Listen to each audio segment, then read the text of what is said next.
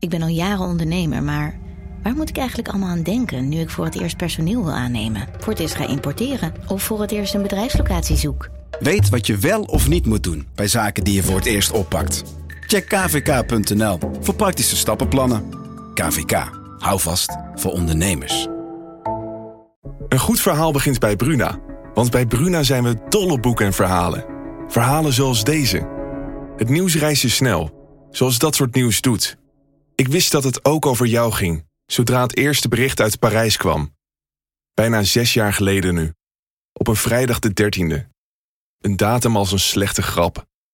Jij was er ook, Flo. En op jouw profiel bleef het stil. Wil jij weten hoe dit afloopt? Je leest het in Luister van Sascha Bronwasser. Nu bij Bruna. De allerengste is je eigen partner. Die naast je in bed ligt, die naast je op de bank zit. Die, die is het gevaarlijkst, blijkt uit de statistieken.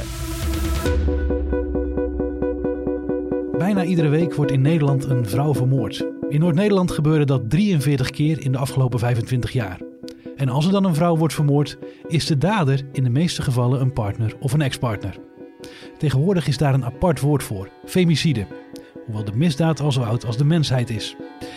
Is het echt zo dramatisch? Daar ga ik het over hebben. Je luistert naar de eerste aflevering van Radio Ramkraak, de wekelijkse crime-podcast van Dagblad van het Noorden en Leeuwarden Courant. Mijn naam is Jeroen Kelderman en bij mij aan tafel zitten verslaggevers Wieske Koen en Bart Olmer. Goeiedag. Hoi. Hi. De tafel ligt vol met artikelen over vrouwen die vermoord zijn. En het zijn ook hele dramatische cijfers, of niet Bart? Eén vrouw vermoord elke acht dagen. Laat het even tot je doordringen. Dat zijn extreme cijfers.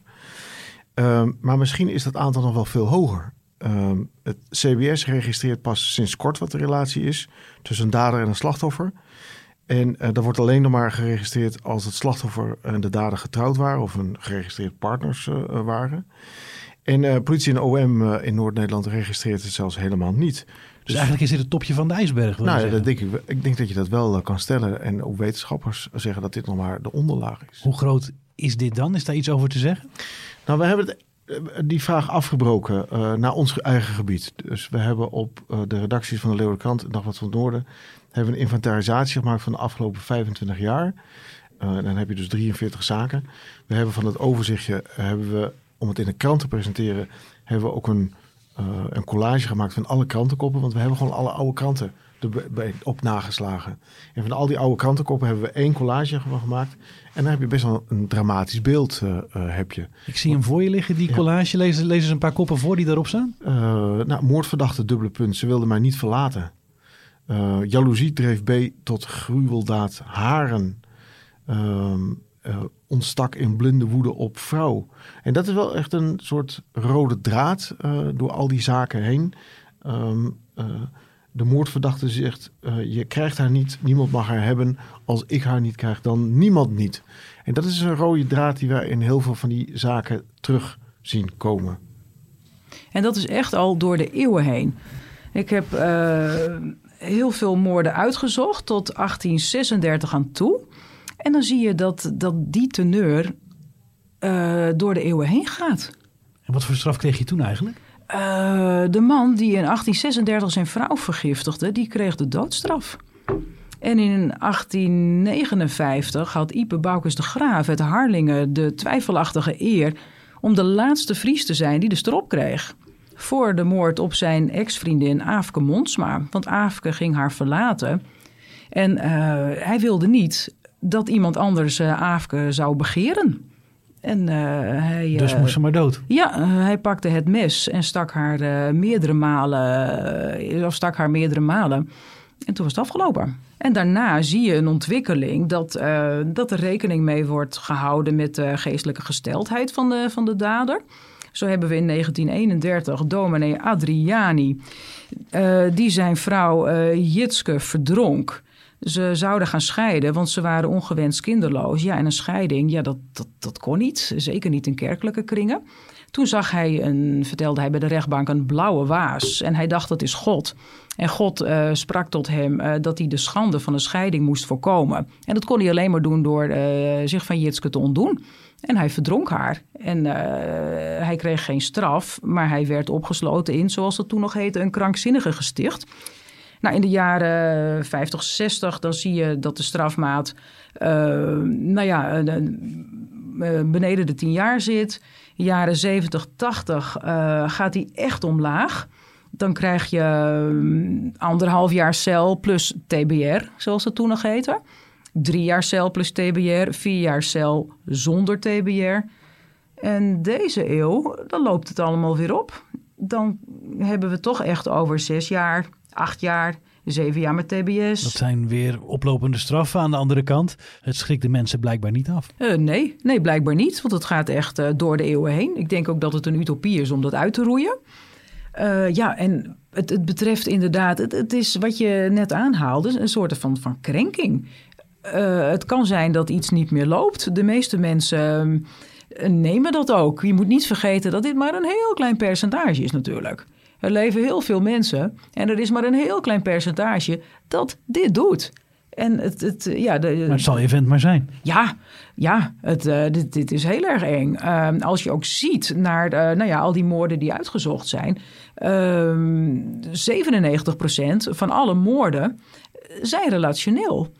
2% is misschien broer-broer, moeder-kind, buur-buur. En 1% is de enge man uit de bosjes. Eh, waar iedereen altijd voor wordt gewaarschuwd. Fiets niet alleen naar huis. Niet alleen uit de kroeg naar huis. Wie weet wie je achterna komt. Nou ja, noem maar op. Iedereen, vooral vrouwen, kennen die waarschuwingen wel. Uh, maar, uh, en natuurlijk, hij bestaat wel. Maar dat gevaar is, is minimaal. De allerengste is je eigen partner. Die naast je in bed ligt, die naast je op de bank zit. Die die is het gevaarlijkst, blijkt uit de statistieken. Nou wil ik niemand uh, bang maken, maar het, het, het, is wel een teken aan de wand. Het is wel heftig. Als ja, je dat zo zeker. Zegt. Absoluut. Wat is een recente zaak die jou dan bijgebleven is, Wietske? Uh, ja, uh, Jolanda uit Dokkum. Dat is uiteindelijk geen moordzaak geworden, gelukkig. Maar dat had het wel moeten zijn als het aan de dader had gelegen. Jolanda werd in de nacht van 26 op 27 april 2020 werd ze net niet doodgeslagen door haar uh, ex-vriend. Ze, had, uh, ze had het uitgemaakt, al in 2018, maar ze kwam echt niet van die man af. Nou, hij bleef haar stalken, appen, bellen, ja, nou ja, alles wat je erbij kunt uh, voorstellen. En uiteindelijk kreeg ze een nieuwe vriend. Nou, toen hij, daar, toen hij dat gewaar werd, toen vond hij dat hij moest ingrijpen. Hij, ingrijpen. hij sloeg een raam in van de achterdeur, kwam midden in de nacht bij haar naar binnen sloeg haar bijna dood, stak haar huis in brand met haar en haar kindje er nog in. En het was omdat het brandalarm bij de buren afging. Maar anders was het huis afgebrand en waren ze En dat zie je dus in heel veel zaken. Hè? Dat, Wat een enorme agressie. Hoe boos, hoe kun je zo boos worden, zou ik bijna zeggen. En snappen wanneer uiteindelijk een andere relatie in beeld uh, komt. Hè? Dat, dat, dat, zie je ook heel vaak terug. We hebben bijvoorbeeld een moordzaak in de Groeven uh, gehad. Uh, 25 jaar relatie. uiteindelijk wil de vrouw scheiden van de Peter R., en dat wordt haar dan uiteindelijk fataal. En dat is echt heel dramatisch hoor, want hij schrijft ook briefjes uh, daarover. Uh, en hij verklaart ook in de rechtbank, zeg, ik kan me niet een leven zonder haar niet voorstellen. Mijn wereld stortte in toen ze zei dat ze wegging. Uh, en en die, deze man van die moordzaak De Groeve, die schreef er ook twee briefjes. En gericht notabene aan de minnaar van, van de dode vrouw. En dan zegt hij, je krijgt haar niet, klootzak. Ik hoop dat je brandt in de hel. Je krijgt haar niet. Niemand krijgt haar. En, en als je al die zaken terugleest, allemaal zitten daar elementen uh, uh, zitten daar, uh, in. Kim Stoker, een zaak uit Emmen. Um, ook een vriendje die het niet kon verkroppen. Um, het slachtoffer die had al laten doorschemeren dat ze de relatie wilde beëindigen. Flitterde wat met een andere jongen. en op dat moment knakt uiteindelijk de dader gaat volledig door, door het lint. En wordt op brute wijze uh, vermoord. Al die zaken komt dit in terug. Wat ik me dan afvraag is, is dit iets wat opeens gebeurt? Of zit hier een heel voortraject aan vast? Waarbij je het eigenlijk al kan zien aankomen dat dit misschien wel kan gaan gebeuren? Het, uh, ja, echt een voortraject. Uh, bij sommigen wel, zoals in dit geval van Jolanda. Uh, maar het zijn ook vaak, nee, ik denk juist vaak momenten. Als ik die oude zaken bekijk, zijn het vaak momenten. Iemand doet de mededeling van ik, ik, ga, ik, ik wil van je af. En dan komt er nog een gesprek of, of er, er, is, er doet zich nog iets voor en dan slaan de stoppen door. Nou, en dan hebben ze of al een mes bij zich, wat, wat ook al bijzonder is natuurlijk. Dat wil niet zeggen dat je het gaat gebruiken, maar eh, dat, dat kan wel ergens op duiden. Maar het zijn ook vaak, uh, ligt het, is er toevallig iets voorhanden? Of iemand uh, gaat iemand wurgen. Of in het geval uh, van Ameland 1931 van mevrouw Adriani. Die wordt verdronken tijdens een, tijdens, een zwem, zwemgelegenheid. Dus het kan van alles zijn. Maar ik, ik heb. kan ook een lange aanloop hebben. Um, een oud-collega van ons, Mick van Wely, werkt nu bij de Telegraaf. Die schreef ooit een verhaal onder de kop. Soms doet iemand pas aangifte na 38 klappen. En dat het dus zo lang duurt voordat er iemand uiteindelijk melding gemaakt van uh, huiselijk geweld. Dan is er iemand al 38 keer uh, mishandeld. Dus dat kan ook een hele lange aanloop uh, hebben. Ja, ik stelde die vraag eigenlijk. We hebben hier een hele tafel vol met al die artikelen liggen over vrouwen die zijn vermoord door een partner of ex-partner. Wat kun je daar nou aan doen? Wat kunnen wij daar als maatschappij aan doen om dat te voorkomen? Opletten. Heel goed opletten, luisteren signaleer dingen op school, bij, bij andere moeders, bij vrouwen, bij collega's. Uh, prik door vage verhalen heen. Want mensen weten het heel goed te verpakken. Mensen bagatelliseren het. Vinden... als iemand dat doet, stel je voor, ik, ik, zie een collega met een blauw oog en ik spreek die aan. De eerste reactie zal waarschijnlijk zijn: ja, ik ben van de trap gevallen of, of, of er is niks aan de hand. Bemoei je er niet mee. Dat is toch vaak de eerste reactie van mensen. Nou, een andere reactie is dat er heel erg gekeken wordt altijd naar politie en justitie. Uh, uh, en, en dat vind ik in ieder geval de verkeerde reactie. Uh, want heel bruut gezegd, dan is iemand al dood.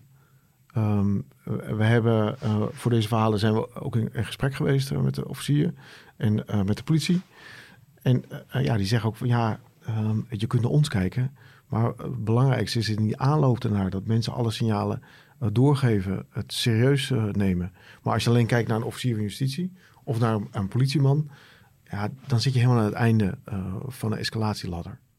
Maar toch zijn er wel verhalen van mensen die het wel melden bij de politie. Volgens mij het verhaal van Jolanda ook. Die meldt het wel en dan komt er een gesprekje. Maar eigenlijk gebeurt er, er verandert helemaal niks aan de situatie. Nee, want iemand moet zelf wel willen. Je kunt aanbellen, maar als iemand zegt van nee, dat is niet zo, of doe geen aangifte, dan kun je nog uh, het, het, zo benadrukken. Als iemand niet meedoet, uh, wordt het hem uiteindelijk niet. En dat ligt, uh, ja, het ligt wel bij wat degene, het slachtoffer, wat, het, wat hij zelf doet. Daar valt of staat alles mee. Ah, je moet er wel kritisch naar kijken, hè? want um, het, het, is uiteindelijk wel de politie die in moet uh, grijpen. Dus wanneer er meldingen zijn, moet er wel wat gebeuren. Maar als je ziet dat iemand letsel heeft, dat iemand blauwe plekken heeft, schrammen heeft, dan is het toch gewoon wel een reden om in te grijpen? Of, of kun je dan, als iemand zegt, joh, ik doe er niks mee, dan kun je helemaal niks als politie? Of hoe, hoe zit dat? Nou, wel, uh, dat soort meldingen kun je natuurlijk uh, via uh, bijteams, dus hulpverleners, komt dat ook wel bij een wijkagent terecht.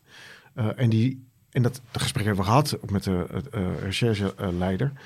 Uh, en die zegt van, ja, weet je, elke keer als wij zo'n melding krijgen, dan, dan hebben we daar in ieder geval een follow-up op. Dus dan gaat de wijkagent erheen, die belt aan, die gaat het gesprek uh, aanknopen. Maar dan kan het heel ingewikkeld zijn om over de drempel heen te komen als iemand dat ontkent. Um, ook het slachtoffer dat ontkent. Je hebt verder geen aanknopingspunten om door te pakken, ja, dan kun je het registreren. Maar dan wordt het wel, uh, wordt het wel wat ingewikkeld. Uh, jullie zijn bij politie en justitie geweest. Wat kunnen die nou in, in dit soort zaken wel betekenen?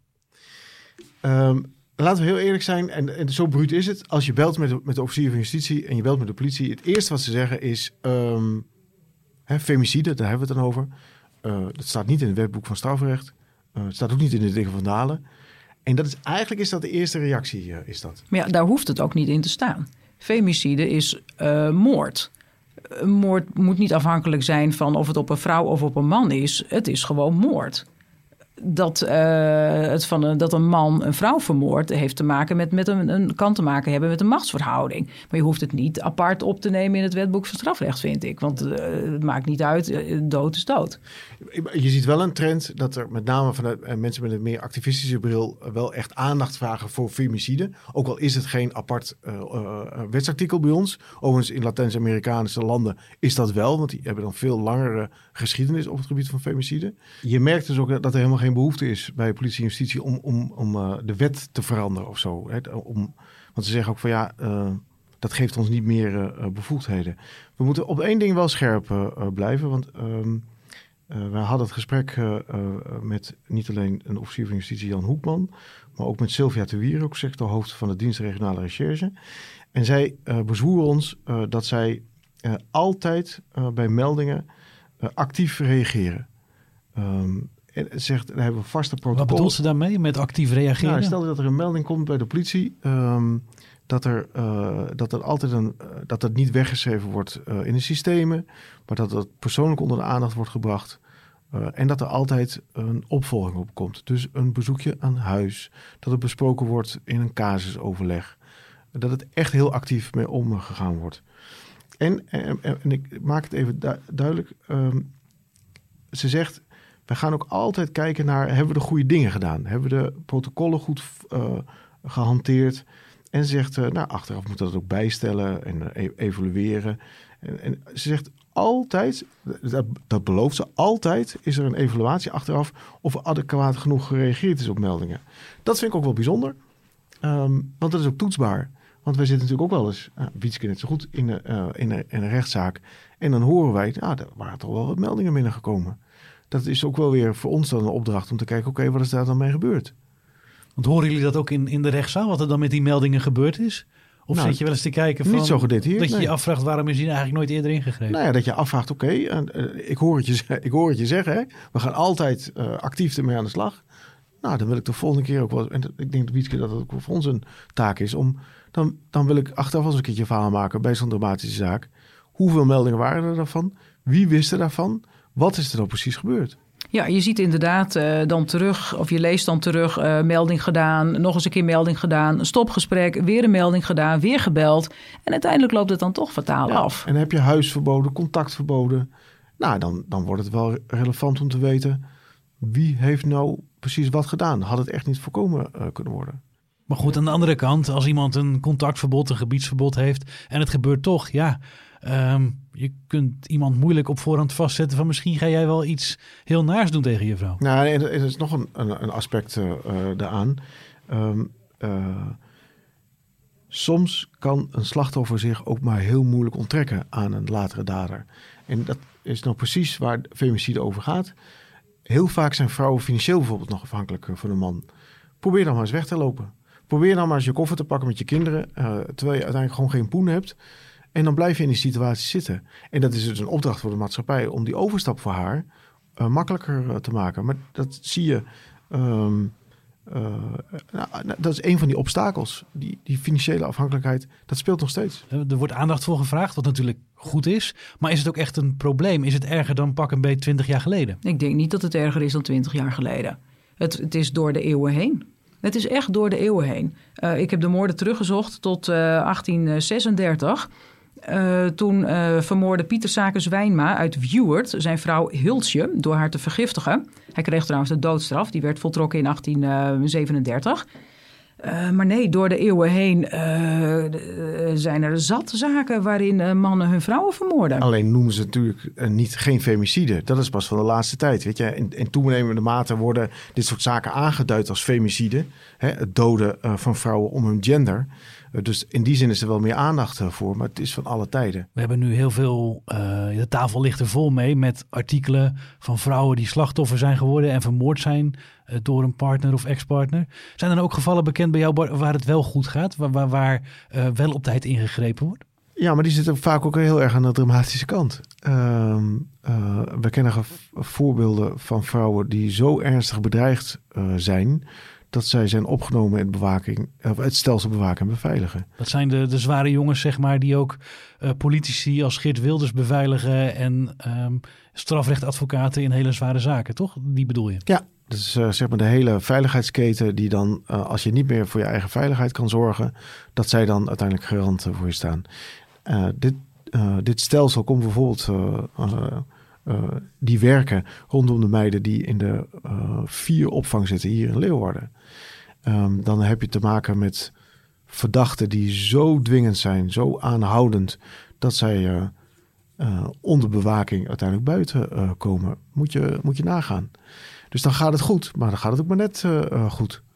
En er zijn gevallen bekend bij vier van mensen die zo extreem langdurig bedreigd werden, dat zij zelfs in een nieuwe relatie, in een nieuwe huis, nadat ze weg waren bij de ex, een safe room moesten bouwen om veilig te blijven. Een safe room, hoe, wat moet ik me daarbij voorstellen? Dat is een ruimte in je huis waarbij je je terug kan trekken voor een half uur, dat je dan veilig bent, in afwachting van de hulpdiensten.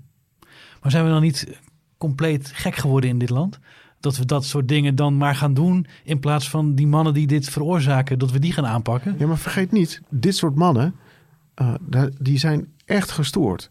Als wij spreken met justitie, dan zeggen zij, dat zijn mensen die 24 uur 7 hiermee bezig kunnen zijn. Die doen helemaal niks anders. Die zijn knettergestoord. Je hebt inderdaad mannen die door dakramen naar binnen klimmen om te zien of die vrouw echt niet thuis is, zoals ze zegt. Die langs uh, bepaalde adressen rijden waar de vrouw zegt dat, waar ze de avond zal doorbrengen. Ik ben vanavond naar mijn zus. En die gaan kijken of dat daadwerkelijk zo is. Ik ben op mijn werk. Ben je daar wel echt? Laat je telefoon zien. Waar ga jij naartoe? Dat ze voor de auto gaan staan eh, om haar tegen te houden. Die moeten opheldering verschaffen over, over elke stap die ze zetten. Die moeten worden tig keer gevraagd uh, om een bepaald voorval nog eens een keer te herhalen. Waar, waarom lukt het dan niet om die mannen aan te pakken? Ja, dan nog even één voorbeeld. Hè? Gewoon even, ja, uh, hoe ernstig gestoord? Je hebt de Bijlmoord gehad uh, in uh, Appingedang. De Bijlmoord? de Bijlmoord, ja. en Jean R., die vermoordde daar zijn ex-vriendin met een bijl. Maar die was zo ernstig in de war, zo psychisch getroubleerd... dat de psychologen zeiden, hij valt bijna niet te onderzoeken, joh. Nee, maar dat is juist het rare wat, ik dan, wat er door mij heen gaat. Is we gaan die vrouwen beschermen. En, en blijkbaar deze mannen, die, die, die gestoorde kerels, ja, daar wordt dan niks aan gedaan? Of, of is dat een ja, te snelle conclusie? Nee, er wordt wel degelijk aan gedaan. Er worden stopgesprekken uh, worden, gehouden, er worden gesprekken mee gehouden. Um, uh, maar uh, er is een buitencategorie. mensen die zo in de war zijn, die blijven maar doorgaan. Totdat het misgaat. en, die, en die gevallen zul je altijd, hoe goed je ook bent in het signaleren daarvan, uh, dat zei ook de officier van justitie uh, Jan Hoekman, met wie we over dit onderwerp spraken. Je zal altijd een buitencategorie houden die zo gefixeerd, zo verward, zo geobsedeerd is. Die laten zich bijna niet tegenhouden. Nee, nu zitten die allebei veel bij rechtszaken. Hoe, hoe zijn die mannen dan, vraag ik aan jou Wietske, in, in, de, in de rechtszaal? Hoe, hoe zit zo'n man er dan bij? Bijvoorbeeld die, die ex van Jolanda. Is dat dan een hele normale man om te zien? Of, of denk je van nou, hier zit wel een steekje aan los? Nee, een uh, normale man om te zien. Maar er zit wel degelijk een uh, steek aan los. Hij is uh, veroordeeld door de rechtbank tot 12 jaar en door het Hof ook nog eens. En hij blijft ontkennen. Hij zegt, ik heb het niet gedaan. Hij heeft het niet gedaan. Hoewel alles in, zijn, in zijn nadeel uitpakt. Hij, hij zegt dat hij het niet heeft gedaan. Maar je moet niet vergeten, hè, we hebben het nu over uh, zaken die een lange aanloop hebben naar uh, een, een, dramatische ontknoping. Je hebt ook daders die. Uh, Eigenlijk waar meteen de stoppen doorslaan. ja, die heb je ook. Die bijvoorbeeld zijn afgewezen en nog een keer verhaal komen houden. En dan blijft de vrouw voet bij stuk houden. Er is een geval bekend in Groningen waarvan de vrouw uh, gewurgd is met het verlengsnoer van de pick-up. Nou, wat uh, Wietske zegt, hè, dat, dat, dat er iets knapt uh, bij mensen, dat zie je vaker. En dan, en dan de gekste voorbeelden. We hebben een zaak, is bijvoorbeeld Jacco R., die zijn ex-vriendin uit Roden om het leven gebracht. Met 27 messteken. Die had een paar dagen eerder daar de verkering uitgemaakt. Die vriendin had de verkering uitgemaakt. Ja. En die zit op de bank met zijn vrienden. Zitten ze naar Lord of the Rings te kijken. Hij zegt, zet die band even stil. Even pauze. Ik moet even een brief posten. En hij vermoordt uiteindelijk zijn, zijn vriendin. Ja, en dan hebben we Marco D. uit Oosterwolde. Hij vermoorde in 2007 zijn vriendin of ex-vriendin Tessa Klaver. Hij uh, huurde een kamer uh, bij Tessa in haar studentenflat in Groningen. Uh, ze maakte het uit. Hij kreeg gelegenheid om uh, elders uh, woonruimte te zoeken. Maar hij wurgde haar en ging daarna op stap.